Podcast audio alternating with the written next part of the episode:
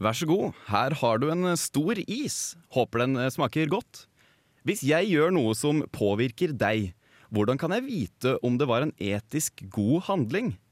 I denne utgaven av X-Fill-losen skal vi snakke om Kants pliktetikk. Professor i filosofi ved NTNU og forfatter av boka 'Etikkens historie', Truls Wyller kommer på besøk. Og selvsagt har jeg også med meg Mikael, som i god X-Fill-losen-tradisjon akkurat uh, har satt seg ned og tenkt litt høyt omkring Kant, og ikke minst om hvordan hans filosofi må forstås i lys av Humes empirisme. Først kasta han babyen oppi syrebadet, så døde babyen. Vi sier gjerne at babyen døde fordi den ble badet i syre, og at det var galt å gjøre det. Hume skrev seg inn i filosofihistorien ved å påpeke at vi kan observere verken forbindelsen mellom kastet og babyens død, eller hva som er galt med å gjøre noe sånt. Nøkkelordet er observere. Vi kan ikke lese av erfaringen av en handling eller en hvilken som helst hendelse hva som vil følge av den, dvs. Si hva dens virkning er, eller om handlingen er umoralsk eller moralsk. Hume observerte at vi har en viss forventning om hva som følger av hva. Slipper jeg glasset, vil det knuse. Tar jeg en øl til, vil jeg angre i morgen, osv. Og, og vi har emosjonelle reaksjoner på handlinger. Jeg blir kvalm når jeg ser hvordan du oppfører deg. Jeg blir glad når du gir meg penger, osv. Men at vi forventer at visse hendelser følger av andre, sier noe om vår psykologi, ikke om hendelsene i seg sjøl. Og at det er galt å drepe babyer, betyr bare at alle, eller de aller fleste iallfall, synes det er forferdelig. Generelt, sier Hume, kan vi ikke lære fra en beskrivelse av hvordan ting faktisk er, hvordan ting må være eller bør være. Uansett hvor mange ganger du kaster babyer i syrebad, vil du aldri kunne bevise at det må resultere i død hver gang. Og du kan aldri bevise på denne måten, altså eksperimentelt, at du bør ikke drepe babyer, er en absolutt moralsk sannhet. Kant er enig i at vi ikke kan bevise disse tingene på denne måten, men han mener at det ikke holder for å vise at det ikke lar seg gjøre å bevise slikt i det hele tatt. Det betyr bare at begrunnelsen for slikt ikke kommer fra erfaringen. Det bevises ikke eksperimentelt. Hvordan kan vi bevise at noe nødvendigvis må være tilfellet da, om vi ikke kan vise til eksperimenter og observasjoner? Kant mener at vi kan vise at noe må være tilfellet, at noe er en nødvendig sannhet, dersom vi kan vise at erfaring i det hele tatt ville vært umulig uten at dette var tilfellet. Hvordan ting bør være, er også noe Hume og Kant er enige om at ikke lar seg utlede fra en beskrivelse av hvordan ting faktisk er. For Hume betyr dette at det ikke finnes noe absolutt svar på hvordan ting bør være, hvordan en bør handle. For Kant betyr det bare at bør, altså moral, i likhet med må, altså nødvendighet, ikke kommer fra erfaringen. Altså, kunnskap om hvordan en bør oppføre seg, kommer ikke fra erfaringen. Og siden konsekvensene av dine handlinger og følelser av empati og avsky er ting vi erfarer, kan ikke dette ha noe å si for hvorvidt en handling er moralsk god. Sagt med Kant må moralen ha et a priori grunnlag. For å gjøre en lang historie hensynsløst kort, mener Kant at det vi bør gjøre, er det vi ville ha gjort dersom fornuften hadde full kontroll over våre handlinger, og den eneste motivasjonen som gir handlingene våre moralsk verd, er at vi utfører dem simpelthen fordi vi bør. Det har ingen moralsk betydning at du har lyst til å være snill. Vær snill fordi det er din plikt. Ja, Mikael. Eh, babyer i syrebad. Det er forferdelige eksempler du drar fram her. Ja, Det er grusomt, men eh, det får jo veldig tydelig fram eh, hva det her handler om, gjør det ikke? Jo, på Moral. Du, det er etter plikt. Og professor Truls Wyller, velkommen i studio. Takk for det. Eh, altså, eh, Mikael snakka her om Hume og, og, hvordan Kant på en måte fortsatte etter Hume og ble inspirert av Hume. Altså, Hva var det Kant ikke syntes var bra nok med Humes tenkning? Altså For det første så var han jo enig med Hume i dette viktige poenget som du nevnte. At man kan ikke slutte fra er til bør. Kan ikke slutte fra beskrivelsen, en naturvitenskapelig beskrivelse av at et legeme legges ned i et syrebad, og så dør dette legemet etter hvert. Kan ikke slutte fra den beskrivelsen til at dette er galt. Eh, men det Kant eh, mente at Hume ikke hadde syn for, det var at eh, man kan innse det gale i viktige handlinger ved hjelp av fornuften. Altså at Hume gjorde fornuften til et instrument for følelsene. Det mente Kant var utilstrekkelig, som du også var inne på. Så mente han jo at vi bare ved å tenke oss til hva en fornuftig handling ville være, så kan vi, så kan vi føle eh, dårlig samvittighet, f.eks. Hvis vi ikke gjør det fornuften sier som en virkning av at vi gjør noe mot fornuften. Sånn at det er ikke det er ikke fornuften som skal være et instrument for følelsene, sånn som Kant ser det, men det er på en måte omvendt. At følelsene eh, bør være slik et fornuftig vesen vil føle. For mennesket hos eh, Kant, altså det, er, det skiller seg veldig tydelig bort fra dyr. Hva er den store forskjellen her mellom mennesker og andre levende vesener? Ja, det er fornuften, som, som, jeg sa. Og det er det som liksom alt står og faller med i, i Kants etikk. Om vi har noen sånn evne i, i det hele tatt til å, til å bli motivert til å handle bare fordi fornuften vår sier at det bør vi gjøre, det er jo det store stridsspørsmålet. Da. Og det er jo veldig mange som ikke er enig med Kant i det, men han hevder med funn og klem at den evnen har vi faktisk. Og det er det han mener skiller oss fra dyrene. da. Og hva, det, hva, hva, kan vi gjøre for å, å komme fram til denne innsikten i det moralske rette? Utgangspunktet for alle Kants refleksjoner om dette er jo det som i filosofien gjerne kalles at det er et førstepersonperspektiv. At vi kan bare innse det gjennom å reflektere over vår egen fornuft. Den, er, den har vi et annet forhold til enn, enn når vi observerer andre mennesker og deres fornuft. Så det, det må være utgangspunktet. Og da mener han at alle mennesker som reflekterer over sin, sin egen fornuft. De vil innse eh, at, eh, at, de er i stand til å gjøre en masse ting som f.eks. dyr ikke er i stand til. Så, så, da må man altså rette blikket innover. Jeg må rette blikket inn mot meg selv. Det er, det er poenget her. At jeg, jeg, kan ikke se, okay, se hva Mikael pleier å gjøre, og, og hva, hva, Truls pleier å gjøre, og, og, ut fra det lage meg et slags sånn forståelse av hva som er rett. Men det, det er i meg det bor. Det bor i deg, ja. Uh, for deg, og for meg så bor det i meg.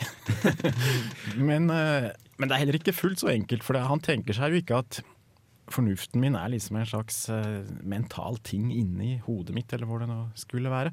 Så han, han tenker ikke at vi observerer fornuften som en gjenstand inne i oss, men han tenker at for å bli oss bevisst fornuften, så må vi tenke over hva vi syns er en fornuftig handling ute i verden.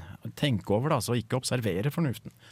Og da, forstår vi at den evnen vi har til å handle ute i verden, er noe vi kan gjenkjenne også hos andre mennesker med, som har samme evne.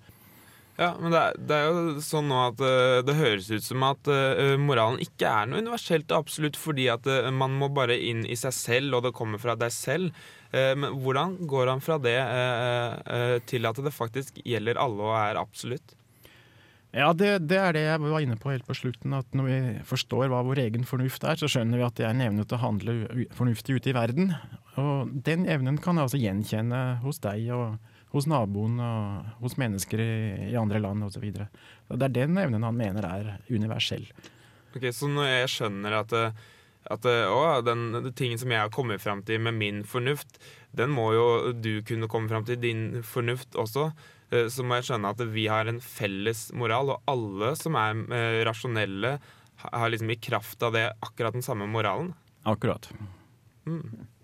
Og eh, Kant formulerer vel det her altså, som han kaller det kategoriske imperativet.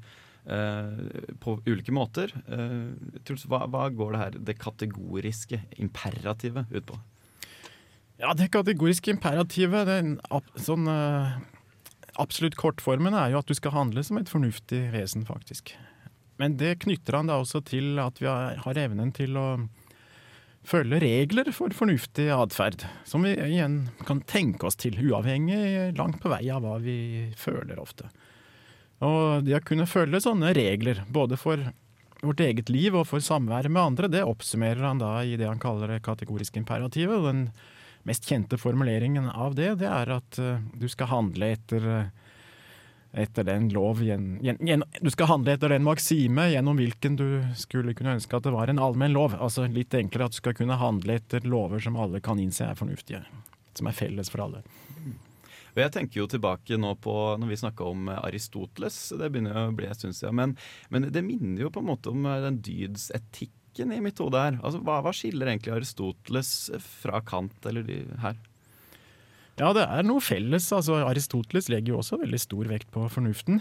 men eh, det som kanskje likevel er forskjellen, er at Kant er en nytidens filosof der, eh, der det ikke lenger er så lett å opprettholde en sånn harmonisk enhet mellom, mellom sansning, følelse og fornuft som det var hos Aristoteles. Og Det betyr at til syvende og sist så er eh, Aristoteles etikk lykkeorientert. Men som vi var inne på i sted, altså Kant tenker seg faktisk at, at vi har en evne til å handle, gjøre det vi mener er fornuftig, uavhengig av følelsene våre, og også uavhengig av hva vi tror gjør oss lykkelig. Det er det som er det stridsspørsmålet i forhold til Kant. Så, så en, en, etisk god handling eh, har egentlig ikke noe å gjøre med, med, om jeg eller noen andre blir lykkelige? Nei, det blir ikke riktig å si det på den måten. Altså Spesielt når det gjelder andre, så er han jo Han legger veldig stor vekt på at vi har jo en plikt til å arbeide for at andre skal bli lykkelige. Men at vi arbeider for å bli lykkelig selv, det mener han på en måte er noe selvsagt. Det gjør jo alle uansett. Men det er, det er sånn at ikke alltid man kan ta hensyn til egen lykke. Men da er det uansett viktig at du gjør det ikke for lykkens skyld. Du gjør det fordi at det er din plikt å bli lykkelig. Eller å gjøre andre lykkelig. Ja, hvis det er snakk om å finne en moralsk verdi ved handlingen, så er det det det er snakk om. Ja. Men det betyr selvfølgelig ikke at, vi, at, det ikke er helt legitimt å bare strebe etter lykken i alle mulige andre hverdagslige sammenhenger. Kanskje viktig å nevne det òg, at Kant blir av og til framstilt som en sånn ekstremt streng, nærmest mørkemann, protestantisk etikk-type. Um, I virkeligheten så var han, han verdsatte jo veldig høyt. altså Materielle gleder, sosiale gleder, god mat og drikke, vennskap osv. Han var, mente vel bare at han var litt mer realistisk enn mange andre, på en måte at han mente av og til oppstår konflikter likevel. Og det er det etikken da på en måte må, må takle. Mm. Altså når, når, jeg kommer i en, en moralsk eh, sånn konflikt, da, da, det, altså, da, må jeg se inn i meg selv og, og, bruke fornuften? Er det det han sier da? Ja, da må du tenke over om, om dette, måten du handler på, om den kan, kan gjelde som en allmenn regel for mennesker, og ofte også i mer politisk sammenheng. Og man kunne tenke seg at, at man eh, handler på en måte som kunne også eh, som, som, kan være i harmoni med, med, med, faktisk lovgivningen i et samfunn. Da. Så når du, når du skal vurdere om du skal gjøre en handling eller ikke, så skal det faktisk gå an å finne en det skal gå an å finne en uh, motsigelse i, i, den handlingen. Fordi at det skal finne ut at ah, hvis alle gjorde dette, uh, så går det, går det, faktisk ikke an. Det underminerer eh, selve maksimen som jeg handler på. Er det sånn man skal tenke? Ja, det er ett aspekt ved det som er veldig viktig. Det, det er helt riktig. Han tenker seg f.eks. at mennesker, nettopp i kraft av vår fornuft, så kan vi inngå avtaler med hverandre, og vi kan love hverandre ting på en annen måte enn dyr, mener han. Og det å love hverandre noe, avlegge løfter, det, det, er en evne som, som eh, realiseres når vi, når vi, eh, lover noe, og så holder det, selv om vi egentlig mister lysten på å holde det underveis. Selv om vi ikke har noen interesse av å gjøre det lenger, men da kan vi holde det likevel. Da er det Kant mener kjennetegner et løfte. Fra, til forskjell fra det bare å si at jeg har til hensikt å gjøre det og det, og så mister jeg lysten på det senere. Og da sier han hvis vi avlegger et løfte eh, som vi ikke har til hensikt å følge, så er det umoralsk, for man kunne ikke gjøre til en allmenn regel at, at man uh, avla løfter med et sånt forbehold. For hvis det var en allmenn regel, så vil det bli en selvmotsigelse, for da vil det ikke finnes løfter lenger. Det er utrolig snedig å finne en selvmotsigelse i en sånn uh, umoralsk handling. Ja. Uh, utrolig annerledes også enn alle andre etikere. Ikke, han vil ikke vise til at det, det, er stygt gjort eller noen får vondt av det. Det er bare fullstendig sånn, logisk. Det er formelt og logisk, ja. Ja, det, det, er, det er, det faktisk. Så, så er, det, er, logikken her som, på en måte, som Kant eh, trekker opp, da? Og... Ja, han, han gjør det. Men, men ja. ja. følelser altså, jeg føler, mm. hvor, hvor, blir det av følelsene oppi? Du snakka jo litt på det i stad. At uh, man, man, kan ha slags, noen slags moralske følelser. Kan man det? Eller kan man ja. ikke ha moral, føle det moralske rette? Kant sier si at det er snakk om følelser på to nivåer. her. Det ene er det jeg var så vidt inne på, at det fins jo mellommenneskelig gode følelser. Kjærlighet, vennskap osv. Og, så og det er jo veldig positivt i og for seg. Men så er det av og til at uh, sånne følelser kommer i konflikt med det, med det han mener er ting fornuften tilsier at vi burde gjøre. Og da mener han at kan det også da, da, kjenner vi mennesker av og til også en annen type følelse, som altså er en virkning av at vi handler med eller mot fornuften. Og det har veldig mye å gjøre med, med selvrespekt og respekt. Da. At det er en annen type følelse enn sånne positive vennskapelige følelser eller kjærlighet. At noen ganger så gjør vi kanskje noe vi vi, vi syns vi mister selvrespekten, av, eller at vi noen ganger gjør ting som strider mot at vi skulle respektere andre mennesker som fornuftsvesener. Og det, det er da en annen type følelse. Så selve følelsen respekt for moralloven, det er en egen slags følelse? Det er det jeg mener, ja. Hmm. Jeg tror vi skal ta et lite Eller avlegge barnehagen, eller oraklet som vi pleier å kalle det, oppe på Dragvoll. Et lite besøk. Vi har, Mikael, du har stilt i et par spørsmål om moralsk riktige handlinger. Hvorfor er det viktig å være snill?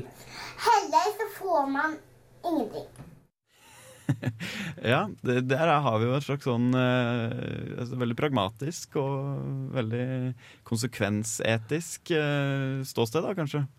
Så man skal være, være snill pga. De altså det resultatet handlinga får. Det er jo noe helt annet enn det Kant snakker om. Ja, det, det er noe helt annet, ja. Uh, altså, jeg tenker Jeg, jeg har uh, Jeg minnes uh, naboen min fra, på Gjøvik, der jeg er oppvokst. jeg husker at de hadde et sånn bumper sticker bak på bilen. hvor det sto 'Det er ikke tanken som teller'. Og jeg vet, har tenkt veldig mye på det der altså, opp gjennom oppveksten. Ja, det er faktisk litt godt sagt, men altså, hvor mange ganger er det ikke jeg kan huske at uh, min mor har sagt ja ja, Håkon, det er, noe, det er noe tanken som teller. At det har vært en sånn trøst opp gjennom uh, oppveksten. ikke sant? Uh, hva tenker du, Truls? Har vi en sånn tilbøyelighet til å ty til pliktetisk oppdragelse i Norge, f.eks.?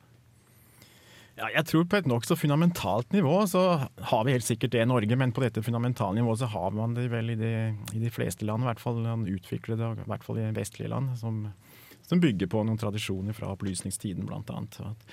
For det går på det fundamentale nivået jeg snakker om, så tenker jeg på sånn at man stiller hverandre til ansvar for å gjøre gode eller dårlige ting, juridisk tillatte eller forbudte ting.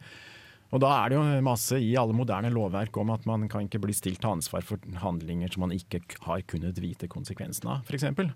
Sånn at uh, man, man, man, og, det er det enkeltindivid som gjør det, med intensjon om å gjøre noe galt, da, som kan stilles til ansvar for den handlingen, og ikke f.eks. andre, altså en stammefelle eller uh, eller uh, en i nabolaget, som noen kanskje tenker man kan, man kan straffe, straffe, en person, selv om det ikke er den som har gjort det.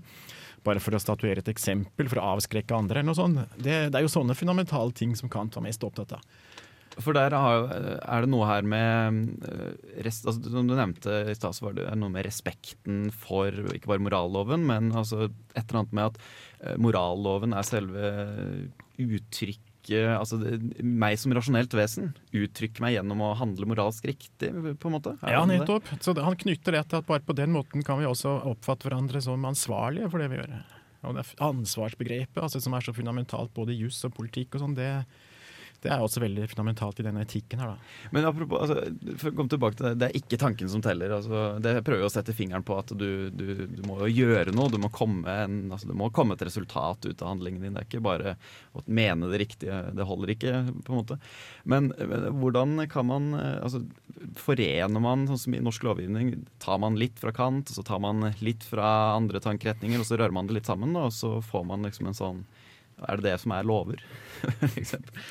I forskjellige land så legger man veldig, litt forskjellig vekt på forskjellige hensyn der. Er det, om det er mest konsekvensen man er opptatt av i, i straffeprosedyrene, eller mest uh, tilregneligheten til den som har gjort det, og det, derfor legger større vekt på rettferdig gjengjeldelse og sånne ting. Det, det, er jo store spørsmål. Kant, Kant er jo blant de som legger mest vekt på at straff, skyldspørsmål og straff skal bedømmes i, i forhold til uh, hva som er rettferdig i forhold til aktøren. Da. Ikke, ikke mest ut fra samfunnsnytten. Men Betyr det at hvis jeg skulle komme her og vært kritisk til Kant, kunne jeg sagt at uh, Kant uh, han liker å godte seg at folk, uh, folk blir straffa selv om de ikke har noen gode konsekvenser? Tenk hvis jeg kunne vise at nei, det hjelper ikke å straffe den personen her, eller noe sånt, så ville han sagt nei, men du må straffe den for straffens skyld, på en måte. Er det en veldig stygg tegning av hvordan Kant tenker? Det blir kanskje litt ensidig, men det var kanskje litt ensidig det jeg sa i sted også. For Kant mener nok ikke at man eh, skal straffe bare av den grunnen der. Han mener at man må ha en, en stat som vokter over handlingene våre og straffer de som seg, forbryter seg mot uh, mot reglene i samfunnet. Eh, og en sånn stat har ingen funksjon hvis den ikke bidrar til å avskrekke forbrytelser. Hvis den ikke gjorde det, så, så ville ikke borgerne være frie, for da måtte de hele tiden gå og lure på om naboen var en skurk eller ikke. Men vi kan føle oss trygge på at borgerne ikke er en skurk fordi vi har denne staten. Altså Som regel kan vi føle oss trygge på det, i hvert fall. Sånn at han, han, legger faktisk vekt på det at vi må, må ha en, en, stat med maktmonopol som kan straffe, og det, det har også en avskrekkende virkning. Så det, det er nok viktig for ham, det òg, faktisk. Men han vil likevel aldri gå, gå inn på den tanken at man f.eks. kunne straffe uskyldige, for, å statuere et eksempel og sånne ting. Det, det, der er han veldig prinsipiell, da. Mm. Det, det, lurer er det ikke uh, man, Det er fort gjort å tenke at uh, OK, ja, det, er, det, minner meg jo veldig om uh, det her gylne regelen du skal gjøre mot andre, slik du vil at andre skal gjøre mot deg. Er det kort oppsummert hele det kategoriske imperativ, eller er det mer? Ja, det er et aspekt ved det, kategoriske imperativet. Men kategoriske imperativ er også mer, ja. Fordi eh, altså, Denne gylne regelen finner man i veldig mange samfunn som en slags minimumsmoral. Men, men, siden Kant forankrer denne du kan si den formelle regelen, regel for formell likebehandling, siden han forankrer den i menneskets fornuft, som gjør at vi skal respektere hverandre som frie og fornuftige vesener, så knytter han den også til eh, med disse opplysningstidsidealene. Eh, individuell frihet, eh, menneskeverd, fornuft. Sånn at, For å ta et litt tilspisset eksempel. altså det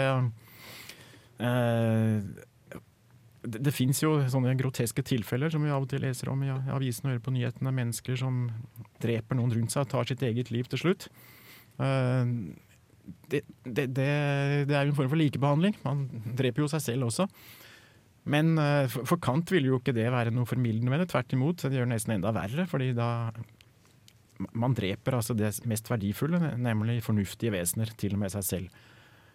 Og det, her, nå, det er eh, noe her i eh, den andre formuleringen av det kategoriske imperativet, er det ikke det? Et eller annet med at du skal behandle alle mennesker som et formål i seg selv, ikke bare som en middel? Nettopp.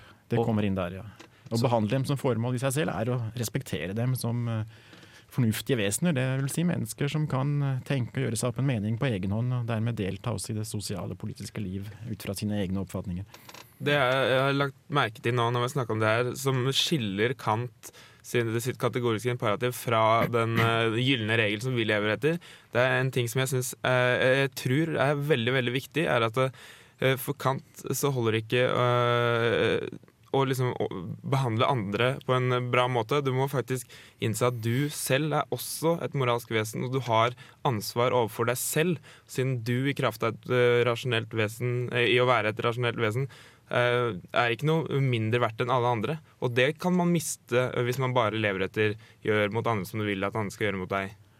Ja, Det du sier her, synes jeg faktisk er fryktelig viktig i forhold til Kant. For han, Man eh, snakker alltid om Kant som en pliktetiker, og i lys av det vi har sagt, så er jo det i og for seg riktig òg. Men, men, det som ofte glemmes, er at for Kant så er plikter og rettigheter akkurat like viktige. Altså Vi, vi har plikter til å holde våre løfter og sånn, som vi var inne på, men det er nettopp den evnen vi har til å gjøre det, som gjør at vi har fornuft. Det er også den som gjør at vi, vi kan ha selvrespekt, vi som lever etter det. Og Det betyr at at uh, vi, vi, kan også kreve vår rett, og vi bør kreve vår rett når noen forbryter seg mot våre rettigheter. Så det er like mye en rettighetsmoral som en, som en pliktmoral. altså. Kan... Må, det, er, det, er, ikke bare galt å ta noen som slave, f.eks., men det er, det er, like galt på en måte å selge seg selv som slave. Mm. Mm. Hva tenker du da, Truls, om, om Kants etikk? Mangler det noe, f.eks.? Altså, er den dekkende? Ja, jeg syns den faktisk virker dekkende i, i hovedtrekk. Det er klart det vil alltid være ting som mangler. og det, han, Kant som alle andre var litt barn av sin tid. Men uh, disse hovedtrekkene som jeg har prøvd å skissere her, de, de har jeg sans for, ja. Så når jeg da, for å dra tilbake til uh, åpningen av sendinga, når jeg gir Mikael, eller deg som hører på, en, en is, hva er det som gjør den handlingen god i, i forhold til Kants etikk? Den eh, er da god hvis det er uttrykk for at du syns dette er en riktig ting å gjøre i en bestemte situasjon. At uh, Gjerne fordi du er glad i dette barnet, men det er jo ikke alltid riktig å gi is til noen du er glad i. Hvis det f.eks. bare er for å smigre eller bli populær, eller, eller bestikke barnet til å, til å gjøre noe som barnet i utgangspunktet ikke hadde lyst til å gjøre, eh, da er det ikke så bra.